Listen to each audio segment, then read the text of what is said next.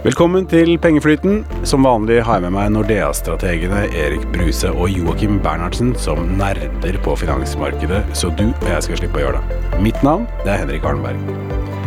Men aller først, Joakim og Erik. Hva er det egentlig som skjer med Kina? I januar så hadde dere jo troen på at Kina var en het emerging markets-kandidat. Men nå i februar så er forventningene litt skrudd ned, eller? Eh, ja, det vil jeg si. Eh, vi har hatt en tro på framvoksende økonomier og Kina, eh, og det har vært basert på at vi ja, For det første ment at Kina er veldig billig. da. Det er eh, priset veldig lavt i forhold til løpende inntjening. Spesielt hvis du ser på prisingen i forhold til resten av verden. Og så har vi fått tegn på at liksom, økonomien begynner å gå litt bedre. Uroen rundt Taiwan har liksom roet seg ned. Eh, var litt sånn uro rundt et valg i Taiwan. Mange ting som skulle tilsi at eh, Kina gikk bedre, men det gjør det bare ikke. Det, det, det bare faller og faller. Og det er eh, Jeg har ikke noen sånn god forklaring på det, og det er mer en følelse at investorene mener at dette Vi, vi vil ikke investere i Kina. Her er det så stor politisk usikkerhet. Vi vet jo at eiendomsmarkedet er svakt, og, og, men det, vi får liksom ikke noen sånn ordentlige nyheter om at det er gått enda dårligere enn vi trodde.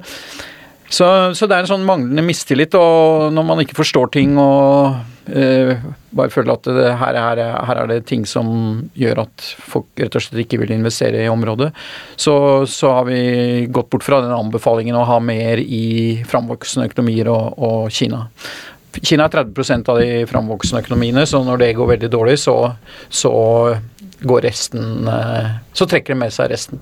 Ja, og egentlig alle de fundamentale forholdene ligger jo til rette for at Kina skal gjøre det bra. altså Inntjeningsutsiktene fremover er, er brukbare hvis du ser på inntjeningsestimater. Det er ekstremt lavt uh, priset makroøkonomien, altså veksttallene, er jo, er jo helt uh, brukbare. Uh, så det er helt åpenbart at det er sentimentet som preger Kina, og, og, appetitten på kinesiske aksjer er rett og slett ikke til stede. Og vi har jo fått liksom dryppvis uh, pakker og tiltak fra myndighetene, og det siste nå er at myndighetene skal bruke midler fra et sånt statlig fond for å rett og slett kjøpe aksjer i markedet. Så nå, akkurat når vi sitter her nå, tirsdag ja, 6. februar, så har vi sett et bra comeback på kinesiske børser på, på morgenen. Eh, nettopp pga. den nyheten om at uh, myndighetene skal støttekjøpe nesten kinesiske aksjer, kan vi kalle det. Men er det en positiv nyhet, eller er det negativt liksom, at, eh, at, det er så ille at myndighetene må gå inn i, i markedet? Så det er vel i, i bunn og grunn et, et sykdomstegn, og vi har ikke noe tro på at uh, vi skal se noe, noe snarlig bedring i kinesiske markeder. Ja, det, det er klart. Men uh det er billig, og det, det, er jo alltid en risk for at vi har, uh, går fra anbefalingen på, på feil tidspunkt, uh, at det kommer en rebound. Men min, min, beste tro er rett og slett at mistilliten til systemet og, og, økonomien er så stor at dette kommer til å vare ved. da. Og én ting er Kina, men siden sist vi pratet sammen i januar, så har det jo skjedd mye i både Norge og verden. Og her i landet så ser det jo nå ut som rentetoppen kan være nådd, mens det i USA kommer signaler fra Fed om at det ikke kan forventes rentekutt i mars. Eh, dog så forventer man jo tre kutt i løpet av 2024. Men Joakim, hva, hva, er de viktigste endringene som har skjedd, og, og hvordan påvirker dette aksjemarkedene? Nei, De viktigste endringene som har skjedd, er egentlig at det går eh, veldig bra i amerikansk økonomi. Vi får eh, relativt sterke nøkkeltall. Den siste sysselsettingsrapporten, som vi kaller non-farm payrolls, eh, den viste 350 000 nye sysselsatte i januar. Det er et veldig høyt tall. Eh, og det er klart, når bedriftene ansetter mye folk, så er det en refleks på at det går bra i økonomien.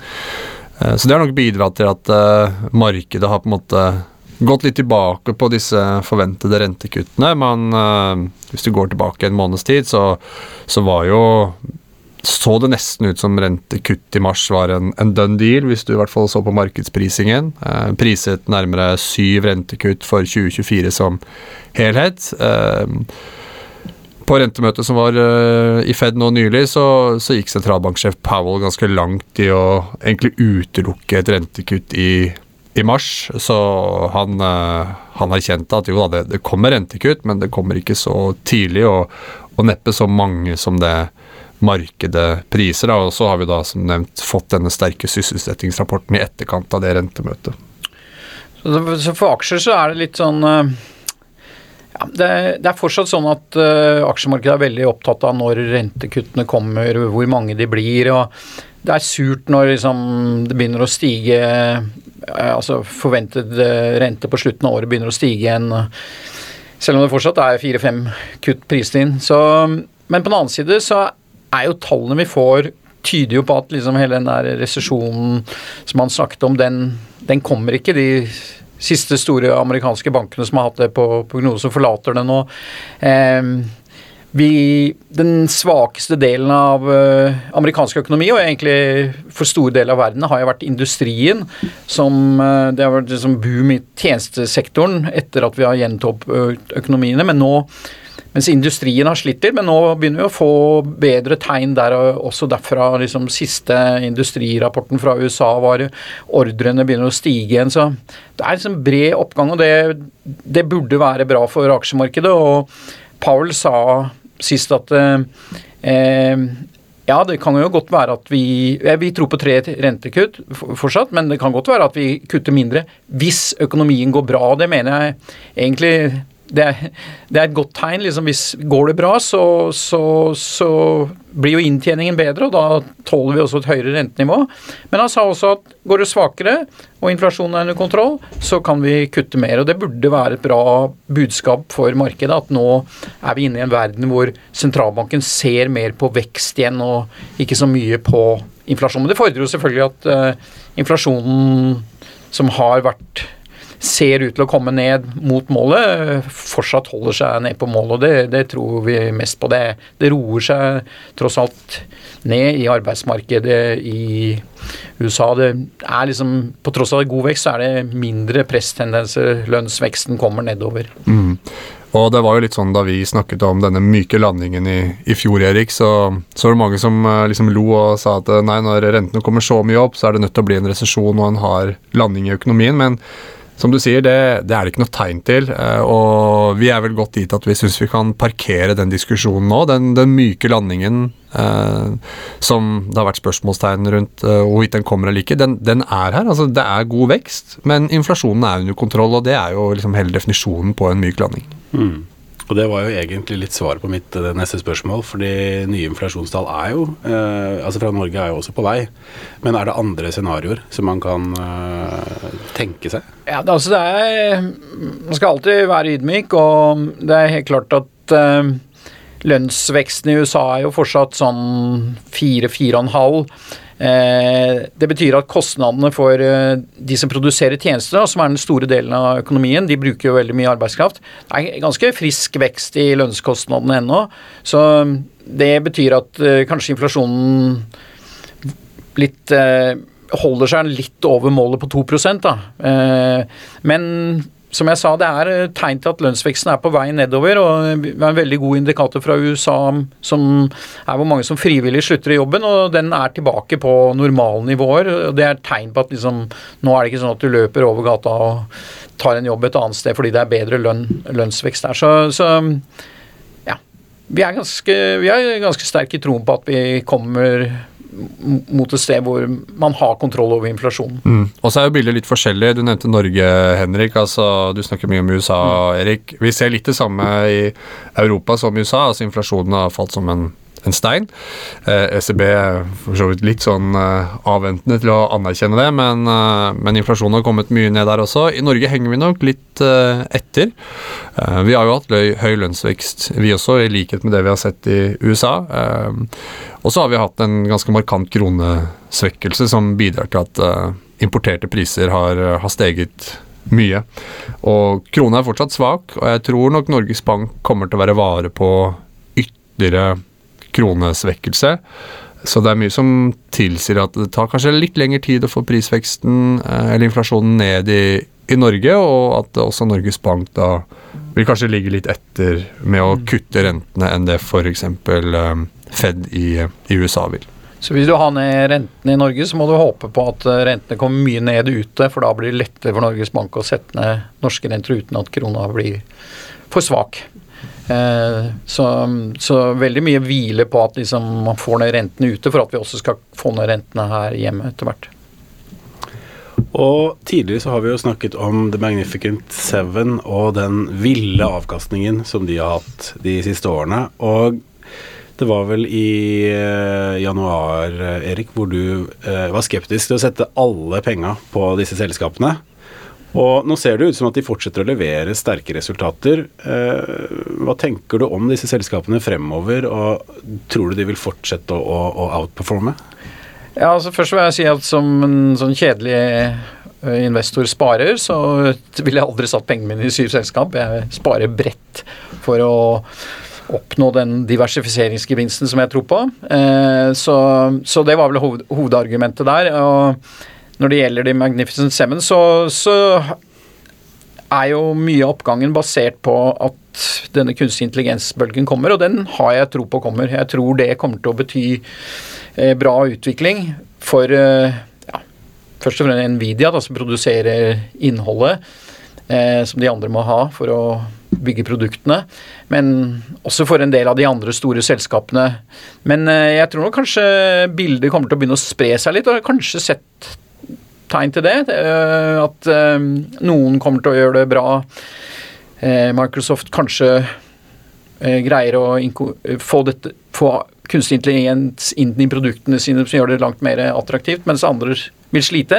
Så, så jeg tror kanskje at det blir liksom litt mer spredt lag, men jeg tror fortsatt at, at eh, markedet er villig til å kjøpe de Magnificent Seven på, på den litt dyre prisingen som er nå. Eh, så, så, jeg har ikke noe tro på at det, det å er noe som kommer til å dra ned markedet sånn generelt framover. Men eh, vi har også tenkt litt på at um, hvis vi ser litt lenger fram, så, så vil det jo komme nye selskaper som kan produsere innholdet, som kan bruke dette her i produksjon av sine produkter som kanskje ikke har noe med IT å gjøre, eller produsere nye Eh, produkter som er kunstig intelligensorientert. Masse ting som kommer til å skje. Eh, så det kan bli vanskeligere og vanskeligere å, finne de rikt, riktige selskapene. og Det kan jo argumentere for at man kanskje kan se mot eh, fond som er mer selektive. Men da igjen, en liten del av sparingen. Ikke sats alt på ett kort.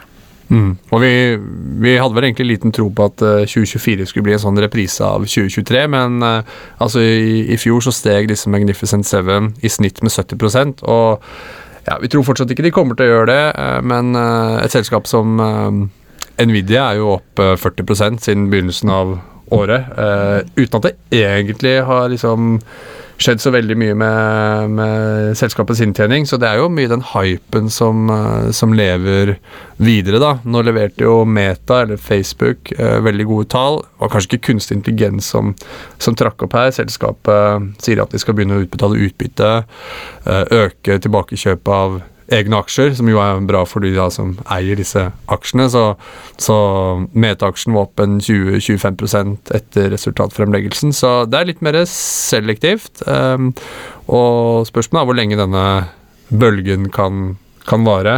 Um, Nvidia legger, tall, legger fram tall ganske, ganske, sent for fjerde kvartal. Uh, men det er klart, uh, man må liksom også levere på tallene. Det er ikke bare hypen som kan, kan leve, da. Nei, eh, helt klart. Men vi, vi, får vel signaler om at eh, liksom etterspørselen etter disse brikkene er fortsatt skyhøy, og mer enn selskapene kan, Nvidia kan levere. Og det er liksom eh, Det kommer til å satses enormt på dette framover. Eh, og iallfall for en, en eh, inn, en som produserer innholdet, tror jeg det kommer. Ja, og det var jo det Microsoft sa i sine resultater også, at uh, særlig skytjenestene er jo noe av det som går bra. og det er jo der bruker de jo mye av disse produktene som Nvidia uh, produserer, så det er kanskje noe av det som står bak uh, den kraftige oppgangen som vi har sett i, Nvidia uh, den siste tiden. Og Nvidia det er jo da dette ledende selskapet som produserer disse databrikkene som går inn i, i KI-teknologien. Uh, og inntil videre så er det ingen som uh, leverer den type teknologi med den type kvalitet som Nvidia klarer. Men det er litt som Erik sier, at om det er Nvidia som skal bli den endelige vinneren av dette løpet, det er høyst usikkert. Med et hånd prisnivå som vi har på den type produkter nå, så vil det komme fram nye konkurrenter. og Hvilket selskap som blir det neste, eh, det er kanskje et selskap vi ikke kjenner til engang per i dag. Hvis vi hopper fra USA til Oslo Børs, hva er, hva er ståa der? Nei, Ståa på Oslo Børs er helt annerledes enn f.eks. SMP 500 i, i, USA. Altså SMP 500 er veldig høyt priset, uh, priset på type 20 ganger 12 måneders inntjening. Uh, men det er jo nettopp fordi disse selskapene her er ventet å ha veldig høy inntjeningsvekst. Ikke bare de neste 12 månedene, men, men også utover det. Uh, på Oslo Børs er bildet annerledes. Inntjeningen i 2023 uh, vil trolig falle med en 30-35 når vi får fasiten etter fjerdekvartalstallene nå utover, utover, vinteren her. Eh, men det er jo ikke Altså Det er jo et resultat av at 2022 var ekstremt bra. Eh, da var det veldig høye energipriser, så det vi ser nå er en normalisering i energiprisene, og dermed en normalisering i inntjeningen for de store energiselskapene. Den normaliseringen er trolig ikke helt over. da, altså Fortsatt så er det sånn at inntjeningen er på et veldig høyt nivå. Eh, og trolig så kommer 2024 til å altså år i år. Eh, kommer nok til å se litt bedre inntjeningsvekst eh, på, på Oslo Børs. Men det er ikke samme momentet som vi f.eks. ser på SMP 500, hvor det er ventet liksom 10% inntjeningsvekst både i år og, og neste år. Oslo Børs er nok kanskje litt mer flattish fremover. Mm. Og derfor så skal også Oslo Børs være lavt priset, fordi inntjeningsutsiktene er ikke det samme.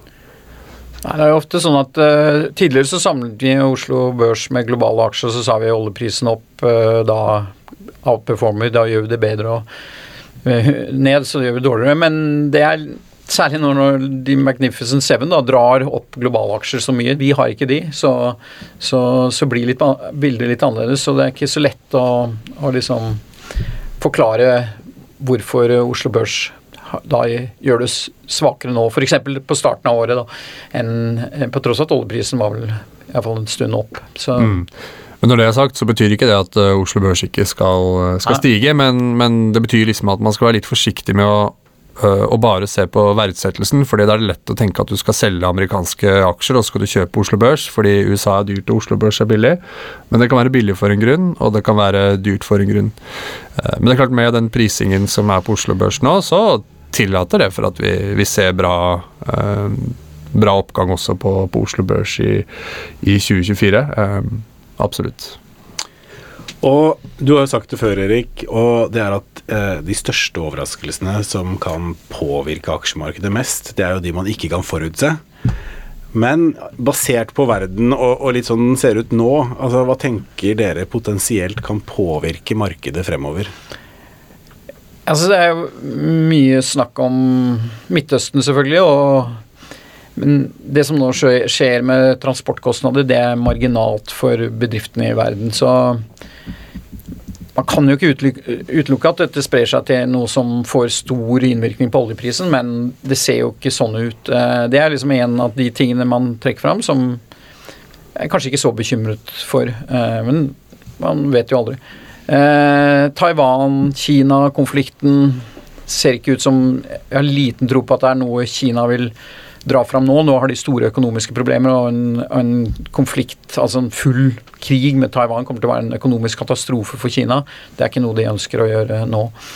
Og Så er det jo valget i USA som mange snakker om, men igjen Det er kanskje størst problem for Europa og Kina hvis Trump blir valgt og han innfører de eh, tariffene, da, eller tollsatsøkningene som han snakker om. Det er jo tvilsomt om han kommer til å gjøre det, det vet man ikke. Eh, men eh, for USA, og for, dermed også for globale aksjer, så kan det godt være at eh, fokuset blir på at det kan bli skattekutt, mer pe offentlig pengebruk, iallfall skattekutt og ingen innstramminger på offentlig forbruk. Så jeg er heller ikke så bekymret for, for det akkurat i, i år iallfall. Så det er alltid alt kommer, Som jeg sa, det kan alltid komme inn et eller annet som vi ikke har tenkt på, men de, de tingene vi ser på, er ikke så bekymret som mange andre er. Nei, og altså hvis man skal legge, legge til noe som er litt nærmere, så Vi ser jo veldig sterke tall fra USA. Um, vi tror ikke på det. altså Hovedsynet er jo at inflasjonen kommer ned, men uh, man kan jo tegne et scenario der hvor liksom økonomien faktisk skyter fart og, og prisveksten kommer opp igjen, og, og liksom man mister troen på, på hele dette scenarioet der inflasjonen kommer ned, det, det vil være negativt for, eh, for aksjemarkedet, absolutt. Mm. Um, og, og, selvsagt at det hele den derre KI-hypen gir seg. Nå er det jo ikke sånn at disse KI-selskapene er altså De har ikke steget bare basert på tro, håp og kjærlighet. Det er ikke, ikke 1999.com-aktig. Eh, da var det jo full eufori, og hadde du internett i navnet ditt, så var du liksom garantert et par hundre prosent over, eh, over veldig kort tid. Eh, så, og da var det jo selskapene som tjente jo Altså det var jo selskaper som steg mange hundre prosent som ikke hadde tjent penger i det hele tatt. Eh, så det er noe annet vi ser på nå, for dette er jo store selskaper som, som leverer bra. Men, men, det er klart, prisingen er høy, og det er basert på at disse selskapene skal levere høy inntjeningsvekst fremover. Så, så hvis det feiler, så så vil det være et markant drag på, på, den type selskaper. da. Men her kan du like godt se det fra den andre siden, men gode nyheter eller gode utsikter er ikke nyheter, så det er det ingen som bryr seg om. Men det er jo gode muligheter for at kunstig intelligens virkelig gir et løft i produktiviteten bredt for, eh, for uh, selskapene. Og at det løfter vekstevnen i økonomien, og at uh, dette betyr at vi får høy inntjeningsvekst og bedre utsikter for aksjemarkedet også på lengre sikt. Så, så ja, det, er, det, kan slå begge veier. Takk. Siste spørsmål på tampen. Porteføljene deres i 2024, hvordan ser de ut? Nei, Hovedscenarioet er vel egentlig at vi får en, en bred oppgang i, i aksjemarkedet. Eh, ikke like konsentrert som det vi har sett kanskje så langt i år, og som vi så i fjor, men at eh, det er bra moment i, i, særlig amerikansk økonomi, og at vi kan se et litt bredere oppsving i, i, økonomien. Så vi har jo tro på aksjemarkedet, så i våre anbefalte porteføljer så tar vi nå litt mer risk enn normalt. Eh, det betyr at hvis du er en konservativ type til eh, vanlig og helst liker å spare i pengemarkedsfond og rentefond, så skal du fortsatt gjøre det, men du kan kanskje ha litt mer aksjer enn du pleier å, å gjøre. da, Så det er ikke snakk om å, å snu skuta helt rundt og, og, gå all inn i aksjemarkedet hvis du vanligvis har en liten allokering i aksjemarkedet. Men det er kanskje ta litt mer risk i aksjemarkedet. Såpass gode er utsiktene, mener vi. Absolutt, eh, men som alltid så er det liksom til syvende og sist hva, hva slags hvor mye risiko ønsker du å ta? Hva, hva, hva forventer du av avkastning, som, som til syvende og sist teller hvordan du skal sammensette sparingen. Så, så, men som Joakim sier, de vi syns at uh, utsiktene er såpass bra for aksjemarkedet, og det, det, er en grunn til å kanskje ta litt mer risk der, uh, på bekostning av renter. Selv om renter også gir veldig bra avkastning for øyeblikket. Eh, gode rentefond som har høy løpende eller yield, da, altså, for øyeblikket. Du får siste ord i dag, Erik. Jeg tror det var det vi rakk. Tusen takk for eh, praten, og vi er tilbake om et par uker. Hvis du vil lytte til eh, tidligere episoder av Pengeflyten, kan du gå inn på Spotify eller andre steder der du lytter til podkast.